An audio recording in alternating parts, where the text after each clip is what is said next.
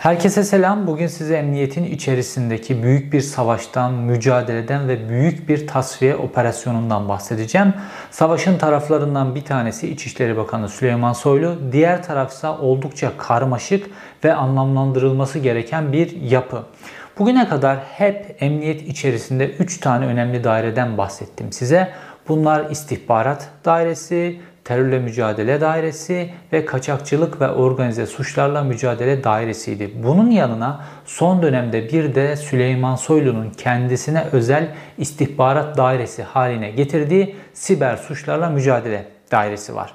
Bu dört daire şu anda emniyetin en önemli dört dairesi. Fakat bugün size emniyetin başka iki önemli dairesinden bahsedeceğim ve buradaki mücadelenin ne boyutlara geldiğini göstereceğim. Çünkü Emniyetin hep bildiğimiz bu dört önemli dairesinde artık paylaşım yapılmış durumda. Burada herkes çarkını kurmuş durumda ve organize bir suç işleniyor emniyetin bu daireleri üzerinden. Fakat bugün iki yeni daireden bahsedeceğim ve bu iki yeni dairenin suçları örtmekle ilgili çok önemli fonksiyonları var. Şimdi mücadele bu iki yeni daire üzerinden sürüyor. Bunlardan bir tanesi Emniyetin kriminal dairesi ve bu kriminal dairenin içerisindeki olay yeri inceleme bölümü. Burayla ilgili bir mücadele sürüyor. İkinci olarak da emniyetin arşiv dairesi olarak bildiğimiz dairesi üzerinden mücadele sürüyor. Şimdi olay yeri inceleme polisleri bir suçun ortaya çıkartılması ya da kapatılmasında çok kritik roller üstleniyorlar.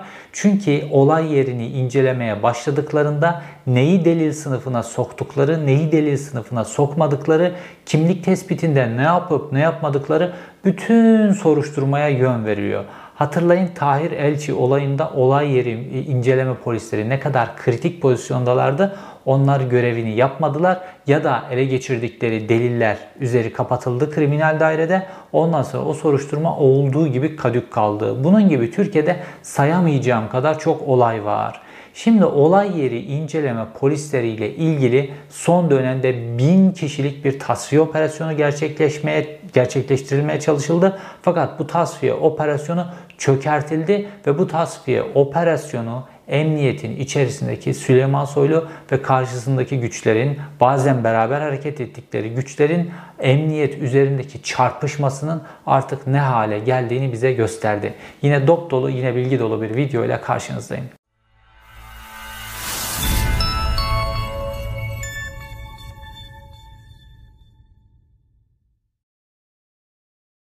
Emniyet ve emniyet istihbaratla ilgili videolarımı izleyenler Kerim Altay isimli bir emniyet amirinden sıkça bahsettiğimi bilirler. Bu emniyet istihbaratta çok önemli pozisyonda birisiydi fakat emniyet istihbarattan daha sonra tasfiye edildi.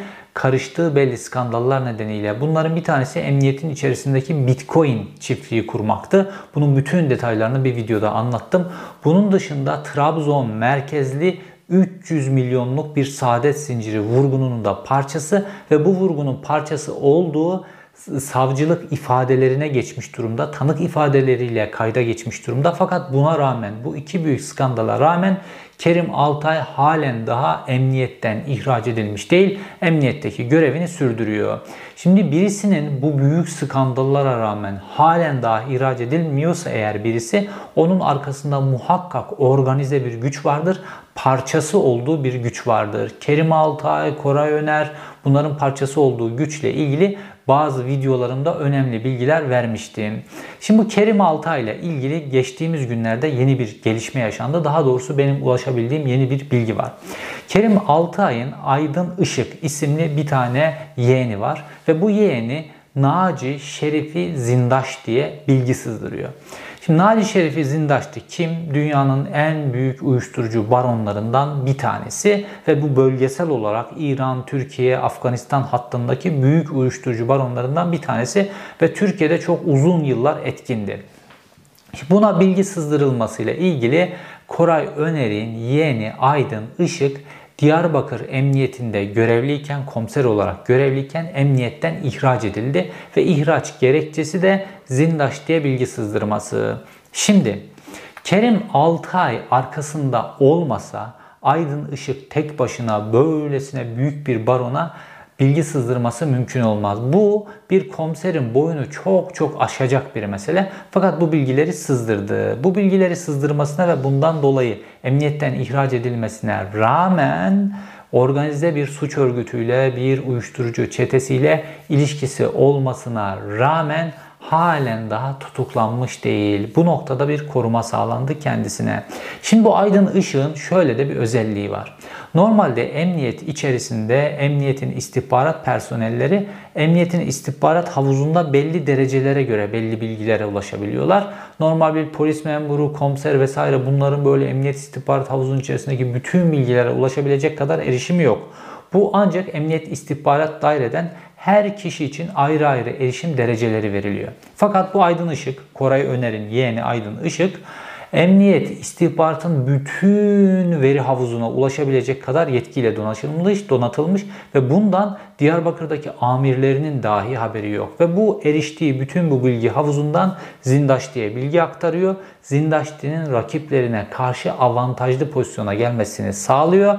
Ayrıca Zindaşti'nin emniyetin kendisine, devletin kendisine yönelik hareketleriyle ilgili önceden bilgi alıp buna göre defans kurmasını, buna göre savunma mekanizmaları kurmalarını sağlıyor. Fakat görevden ihraç ediliyor. Şimdi bu Kerim Altay, Koray Öner ve bunun arkasındakiler emniyetin içerisindeki böyle dümenler çeviriyorlar ve bunların sahip olduğu kuvvet normalde o yeğeni de koruyabilecek bir kuvvet. Fakat emniyetin içerisinde iç savaş diyebileceğimiz bir mücadele olduğu için bugünün Türkiye'sinde normalde emniyetin şu an belli başlı köşelerini tutan herkes neredeyse kriminal suçlu vaziyetinde. Organize suç örgütleriyle birlikte çalışıyorlar neredeyse. Günümüz Türkiye'sinde bu yeğenin meslekten atılması çok mümkün olacak bir iş değil. Fakat emniyetin içerisindeki bir iç savaşın gerekçesi, iç savaşın sonuçlarından birisi olarak emniyetten ihraç edildi. Şimdi bu Kerim Altay meselesini zihninizin bir tarafında tutun. Şimdi gelelim asıl meselemize. Emniyetin kriminal dairesi 2021 yılının başında ilkbaharında bir sınav açtı. Bu sınav olay yeri inceleme ve kimlik tespiti kurs sınavıydı. Kursiyer alım sınavıydı. Şimdi bu sınava sadece polis memurları, komiser yardımcıları ve komiserler katılıyorlar. Ve bunlar bu sınavı geçenler sonra da bir mülakata tabi tutuluyorlar ve olay yeri inceleme kimlik tespit polisi olarak göreve başlıyorlar. Şimdi burası rahat bir yer, e, temiz çalışabileceğiniz bir yer, böyle çok yoğun nöbetleri olmayan bir yer. Dolayısıyla herkesin istediği bir bölüm. Fakat Burada özellikle mevzuatla ilgili ve belli teknik konularda çok iyi hazır olmanız lazım. Bu konuları çok iyi çalışmış olmanız lazım. Ya da belli bir süre polislik yapıp bu konulara hakim olan noktalarda bulunmuş olmanız lazım ki bu sınavı geçebilirsiniz. Sınav orta zorlukta bir sınav. Fakat bu seneki sınav oldukça zor bir 2021'in başındaki sınav oldukça zor bir sınav oluyor ve bu sınavın neticesinde de 10 bin polis memuru başvuruyor bu sınava ve sınav Polnet sistemi denen bir sistem var. Herkes kendi polis sicil e, ve şifreleriyle giriyor Polnet sistemine online olarak bu sınava katılıyor ve sınavı kazandıktan sonra da mülakata giriyorlar. Şimdi 10 bin kişi katıldı bu sene ve bu sınavı 1000 kişi kazandı.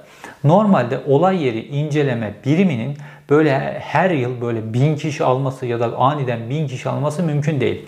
Olay yeri inceleme polisleriyle ilgili sınav böyle periyodik olarak yapılan bir sınav da değil. Olay yeri inceleme polisleri zaten anca emekli oldukça, vefat halinde o bu vesaire emniyetin ihtiyacı olduğu durumda bu sınav yapılıyor ve 100, 120, 140 kişi filan şeklinde bu sınavdan e, personel alınıyor. Fakat bu sefer 1000 kişi sınavı kazandı. 1000 kişi sınavı kazandıktan sonra bir gizli tanık ortaya çıkıyor aniden. Bu gizli tanık Emniyet Kriminal Dairesi'nin içerisindeki bir emniyet müdürü ve emniyetin müfettişlerine giderek bazı bilgiler veriyor. Diyor ki bu sınavı bin kişinin kazanması mümkün değil. Bu sınavda bazı dümenler döndü. Bu sınavda sorular bazı polis memurlarına verildi ve bu sınavda soruların bu belli polis memurlarına verilmesi bin kişinin kazanmasının sağlanması emniyet, emniyet olay yeri inceleme biriminin tamamen tasfiye edilmesiyle ilgili bir hareket diyor. Ve bunun sonrasında polis müfettişleri, polis baş müfettişi incelemeye başlıyor ve sınavı kazananları peyderpey ifadeye çağırmaya başlıyor. Şimdi normalde baktığınızda İçişleri Bakanı Süleyman Soylu bakan yetkisiyle, hele günümüzün bakan yetkisiyle istediği polis memurunu, komiserini, komiser yardımcısını olay yeri inceleme birimine geçirtir ve o kursa katıldırır ve ondan sonra olay yeri inceleme biriminin içerisine alır. Fakat bir kuvvet, bir güç emniyetin içerisinde bu sınavı düzenletiyor ve sonra bin kişinin birden kazanmasını sağlıyor. Emniyetin kriminal dairenin tarihinde bin kişinin birden olay yeri inceleme biriminin içerisine adapte edilmesi olmuş vaka değil. Dediğim gibi 100 kişi, 120 kişi o da ihtiyaç oldukça her yılda değil yapılan bir alım. Fakat 1000 kişi alındığında ne olacak biliyor musunuz? Olay yeri incelemenin özellikle kritik illerinin tamamındaki olay yeri inceleme birimlerini ele geçirmiş olacaksınız. Zaten kadrosu çok büyük olan bir birim değil.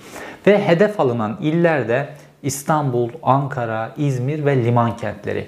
Buralarda olay yeri inceleme birimlerini ele geçirdiğiniz andan itibaren işlenen büyük suçlarda bunlar mafya cinayetleri olabilir, bunlar bazı suikastler olabilir, bunlar bazı uyuşturucu sevkiyatları olabilir vesaire. Bütün bunlardan bazı çatışmalar olabilir. Bunların hepsinde olay yeri inceleme biriminde kendi adamlarınızı gönderirsiniz. İstediğiniz delilleri toplatırsınız, istediğiniz delilleri toplatmazsınız, istediğiniz delili eklersiniz, istediğiniz delili çıkarırsınız. Dolayısıyla soruşturmaya daha başlangıç anından itibaren yer verirsiniz, yön verirsiniz. Dolayısıyla çok kritik bir yer burası. Fakat dediğim gibi Süleyman Soylu normalde alıp buraya istediği adamı koyabilirdi. Fakat başka karmaşık bir yapı bu şekilde bir sınav düzenletiyor ve bu sınav düzenlettikten sonra da bir gizli tanık ortaya çıkıyor ve emniyet amiri rütbesinde bir gizli tanık polis baş müfettişine gidiyor ve bununla ilgili ifade veriyor. Ondan sonra soruşturma başlıyor. Soruşturma başladıktan sonra soruların çok organize biçimde ve soruların çok yüksek teknoloji kullanılarak dışarı sızdırıldı ve doğru cevapların sınavı kazanmasını istenen personele iletildiğine ilişkin bilgiler ortaya çıkıyor. Şimdi burada kullanılan iki tane e, çok yüksek teknoloji ürünü cihaz tespit ediliyor. Bunlardan bir tanesi Rusların Sound Cleaner e, denen firmasına ait bir ses aktarım cihazı. Bu tespit ediliyor. Yine bir de İspanyolların Agnitio firmasına ait yine bir ses aktarım yazılımıyla birlikte bir ses aktarım cihazı ve bu cihazlar kullanılarak sorular önce dışarıya çıkartılıyor ondan sonra da istenen personele veriliyor. Sonra bu personel sınavı kazanıyor.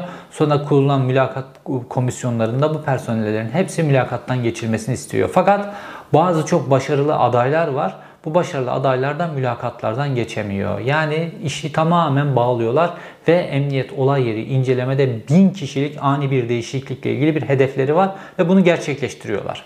Şimdi bunun karşılığında yani bu grup, bu güç, işte Koray Önerler vesaire bu güç bunu yaparken Süleyman Soylu başka bir hamle yapıyor. Şimdi Süleyman Soylu da Emniyetin Arşiv Dairesi denen bir dairesi var. O dairenin e, başkanından başlayarak bir dizi o dairenin yöneticileriyle ilgili değişime gitti. Şimdi bu arşiv dairesi niye önemli? Olay yerinde nasıl soruşturmaya en başlangıcından itibaren deliller üzerinde oynayabilecek pozisyonda olduğunuz için buradan müdahale edilebiliyorsa arşiv dairesi de emniyetin geleceğiyle ilişkin çok kritik bir daire. Emniyetin diğer kurumlarla yaptığı yazı, yazışmalar, diğer kurumlardan emniyete gelen bilgiler, emniyetin kendi ürettiği bilgiler, topladığı istihbarat, şu bu vesaire bunların hepsinin biriktiği yer bu arşiv dairesi. Bu arşiv dairesi emniyetin personeliyle ilgili de en önemli şey ve emniyetin bütün sırlarının bulunduğu yer diyebileceğimiz bir yer. Dolayısıyla bu arşiv dairesinin tuttuğu bilgiler devran değişse de çok önemli olacak bilgiler. Devran değiştiği andan itibaren bu arşiv dairesindeki bilgiler çıkartılıp bazı soruşturmalara konu olabilir. Fakat arşiv dairesi eğer sizin elinizdeyse bu arşiv dairesine arşiv kayıtlarına neyi geçirip neyi geçirmeyeceğine hakim olabiliyorsunuz. Dolayısıyla Süleyman Soylu da kendisine çok yakın bir adamı şu meşhur bahsettiğim kulakçık programı var ya o kulakçık programı içerisindeki ideal adaylardan bir tanesini getirip buranın başına koydu. Ve bununla birlikte de yapılmış çok önemli bir değişiklik var. Bu da 2 yıl önce yapılmış bir değişiklikti. Normalde daha doğrusu çok kısa süre önce yapılmış bir değişiklikti. Normalde emniyette log kayıtları denen bir bilgi var.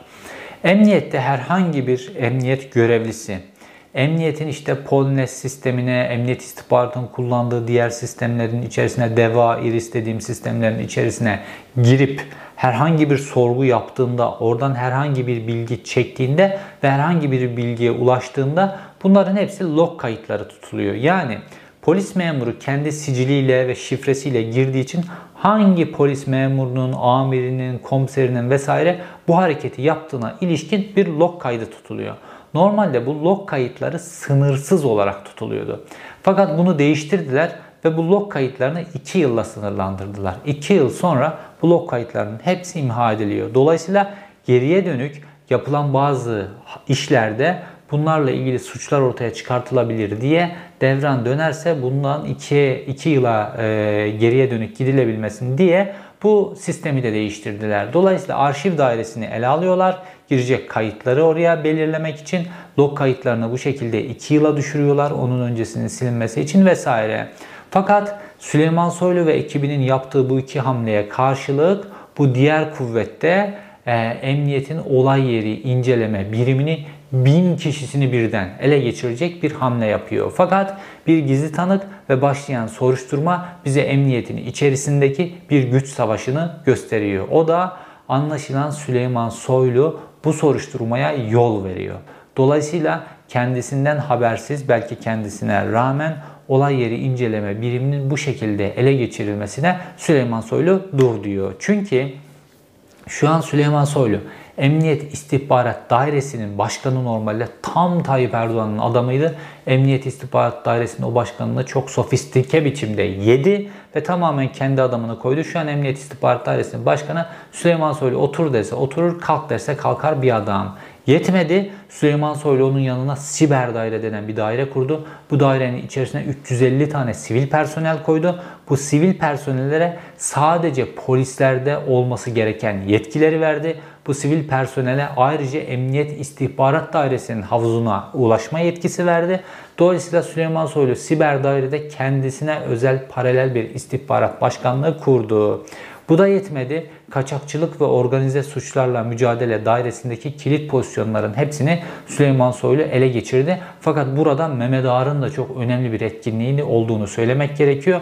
Hakeza terörle mücadele dairesinde de Mehmet Ağar'ın etkisi var. Fakat istihbarat dairede böyle diyemeyiz. Dolayısıyla buradaki bu iki şubedeki, iki dairedeki gücü Mehmet Ağar'la paylaştığını söyleyebiliriz. Fakat bu Koray Öner, ondan sonra Kerim Altay gibi isimler bunların başka bir yönetim tarzı var. Bunlar daha teknik olarak ve daha alt e, düzeylerde ve iş yapan insanlar pozisyonlarında buradaki pozisyonları ele geçiriyorlar ve bu sofistike yöntemlerle yapıyorlar. Ve ellerinde bulundurdukları kuvvet nedeniyle özellikle de arşivler, kişileri arşivleme, önemli isimleri arşivleme vesaire gibi bilgiler nedeniyle de halen daha dokunulmaz pozisyondalar ve bu iki ismin de 15 Temmuz'un hemen öncesindeki çarşamba günü belli askerlerle belli MIT görevlileriyle toplantı yaptıklarını ve bu toplantının kayıtlarının da daha sonra silindiğini dolayısıyla bunların bu 15 Temmuz önceki faaliyetleri nedeniyle de dokunulmaz olduklarını çünkü o faaliyetlerinin deşifresi olması durumunda Tayyip Erdoğan'ın zor duruma gireceğini söylemiştim. Dolayısıyla bunlar ellerinde böyle bir kuvvet olduğu için Kerim 6 ay Tayyip Erdoğan'ın damadı Berat Albayrak'ı emniyetin veri tabanından sorgulattığı halde ve Berat Albayrak Diyarbakır'a gittiğinde onun e, telefonlarını dinlettikleri halde bunu Süleyman Soylu ile birlikte yapıyorlar ve onu izlettikleri halde dokunulmaz pozisyondalar. Yetmiyor. Emniyetin içinde Bitcoin çiftliği kuruyor. Yetmiyor. 300 milyonluk bir saadet zinciri kuruyor ve 300 milyonluk bir para götürüyorlar buradan ki Trabzon'da Süleyman Soylu'nun memleketinde Süleyman Soylu'dan izinsiz kuş uçmayan yerde böyle hamleler yapıyorlar. Fakat buna rağmen korunuyorlar. İşte bu bizi emniyet içerisinde artık derebeylikler oluştuğunu gösteriyor. Kerim Altay, Kuray Öner, onun arkasındakilerin derebeylikleri, Mehmet Ağar'ın derebeyliği, Süleyman Soylu'nun derebeyliği. Dolayısıyla bunların hepsi emniyeti bir şekilde kendi organizasyonları için kullanıyorlar ve emniyeti tamamen kendi ceplerine doldurmak için bir aparata çevirmiş durumdalar. Tabi Süleyman Soylu bu soruşturmaya yol vererek emniyet içerisindeki aslında bir savaşın da fitilini ateşlemiş oldu. Çünkü bu bin kişi bu olay yeri inceleme ile ilgili sınavı kazanmış olmasına rağmen halen daha göreve başlatılmadılar. Mülakatı geçtiler Mülakatı geçtikten sonra ilk kafile yaklaşık 160 kişi kursa alındı ve kafileler halinde bu kursa alınıp göreve başlatılacaklardı olay yeri inceleme kursuna. Fakat ilk kafileden sonra hiç kimse kursu alınmadı. İlk kafilede kursu alanlar da göreve başlatılmadılar. Dolayısıyla Süleyman Soylu bu burada bir planı çökerttiği gibi bir savaşı başlattı. Şimdi elinde bir gizli tanık var bir kriminal dairesinde görevli bir emniyet müdürü gelip bu soruların sızdırıldığı ve bir emniyet istihbarat, e, emniyet olay yeri inceleme dairesi üzerinde bir operasyon yapıldığına ilişkin verdiği bir ifade var. Şimdi bu ifade üzerinden Süleyman Soylu istediği kadar istediği isme doğru ilerleyebilir. O isimlerin ellerindeki güce göre ya da onların güçlerini kırabilir. Fakat emniyetin içerisinde savaş başlatacak çok önemli bir kozu ele geçirmiş durumda. Emniyetin üst perdelerinde, emniyetin üst noktalarında böyle mücadeleler olurken alt tabanda bütün polisler mobbing, kötü muamele vesaire bunlarla ilgili inim inim inliyorlar. Şimdi 10 bin polis, e, bunların içerisinde komiser yardımcıları ve komiserler de var. Olay yeri inceleme ile ilgili sınava girdiler. Fakat bu 10 bin polis burada tamamen figüran. 9 bini daha doğrusu figüran bütün mesele bu bin kişiyle ilgili dönüyor. Bu bin kişi zaten önceden ayarlanmış. Emniyetin başka birimlerinde de durum farklı bundan değil. Mesela emniyetteki son e, günlerde emniyette dağıtılan kumanyalarla ilgili çok fazla şikayet geliyor. Fakat olay o kadar enteresan ki mesela Ankara'da e, polis memurlarına özellikle çevik kuvvete dağıtılan kumanyalar en bir emniyet amirinin eşinin şirketinden geliyor. Ve daha çok kumanya satsın diye emniyete çevik kuvvete sürekli olarak saat 8'e kadar çevik kuvveti bekletiyorlar ki kumanya gelsin. Kendisi de zaten çevik kuvvetten sorumlu olduğu için çevik kuvveti gereksiz yere bekletiyor ve kumanya dağıtılıyor ve kendi eşinin şirketi bundan para kazanıyor. Hatta geçtiğimiz günlerde bir maçta bu bozuk kumanya geldi. Normalde orada belki 150-200 tane polis zehirlenecek bir hadiseydi kumanyaların bozulduğu son anda anlaşılıyor. Kumanyalar toplatılıyor vesaire. Bir skandalın üzeri örtülüyor bu şekilde. Ve hatta o kumanyalarla ilgili çok sayıda sosyal medyada fotoğraf da var. Böyle ekmeğin arasına azıcık böyle bir tane kaşar koyup kumanya diye akşam yemeği diye polislere gönderiliyor. Birileri sarayda mükellef sofralar kurarken. Şimdi emniyet bu şekilde e, hırpalanınca ve emniyetin kilit noktalarında bu şekilde kirli olaylar dönünce ondan sonra toplumun çığırından çıkmasını artık engelleyemiyorsunuz. Çünkü toplum artık emniyet böyle olunca yargı tamamen eyyamcı siyasetin emrinde bir yargı haline gelince toplumun adalet algısı tamamen ortadan kalkıyor. Adalet algısı ortadan kalktıktan sonra da insanlar adaleti bulabilmek için mafya gruplarına gidiyorlar. İnsanlar kendi adaletlerini sağlamaya çalışıyorlar ya da insanlar akın akın Türkiye'den, ülkeden kaçmaya çalışıyorlar. Dolayısıyla Türkiye'de bütün bu sorunların temeli adaletsizlikte yatıyor. Adaleti sağlayabilmenin en önemli noktalarından bir tanesi de önce polisi temizlemek. Fakat bugün İçişleri Bakanı'ndan başlayarak emniyet müdürlerine kadar herkes bütün operasyonlarını polis üzerinden yürütüyorlar ve neredeyse çökülecek kişiler kim çökülecek adam profilinde emniyetin elindeki bilgilerden bu belirleniyor ve daha sonra bu bilgiler siyasetçilere servis ediliyor ve o kişilere, o iş adamlarına, o yüksek para kazanan insanlara çökülmesi, haraç verilmesi sağlanıyor. Emniyet bu derece kirli bir vaziyete gelmiş durumda. İzlediğiniz için teşekkür ederim. Bir sonraki videoda görüşmek üzere.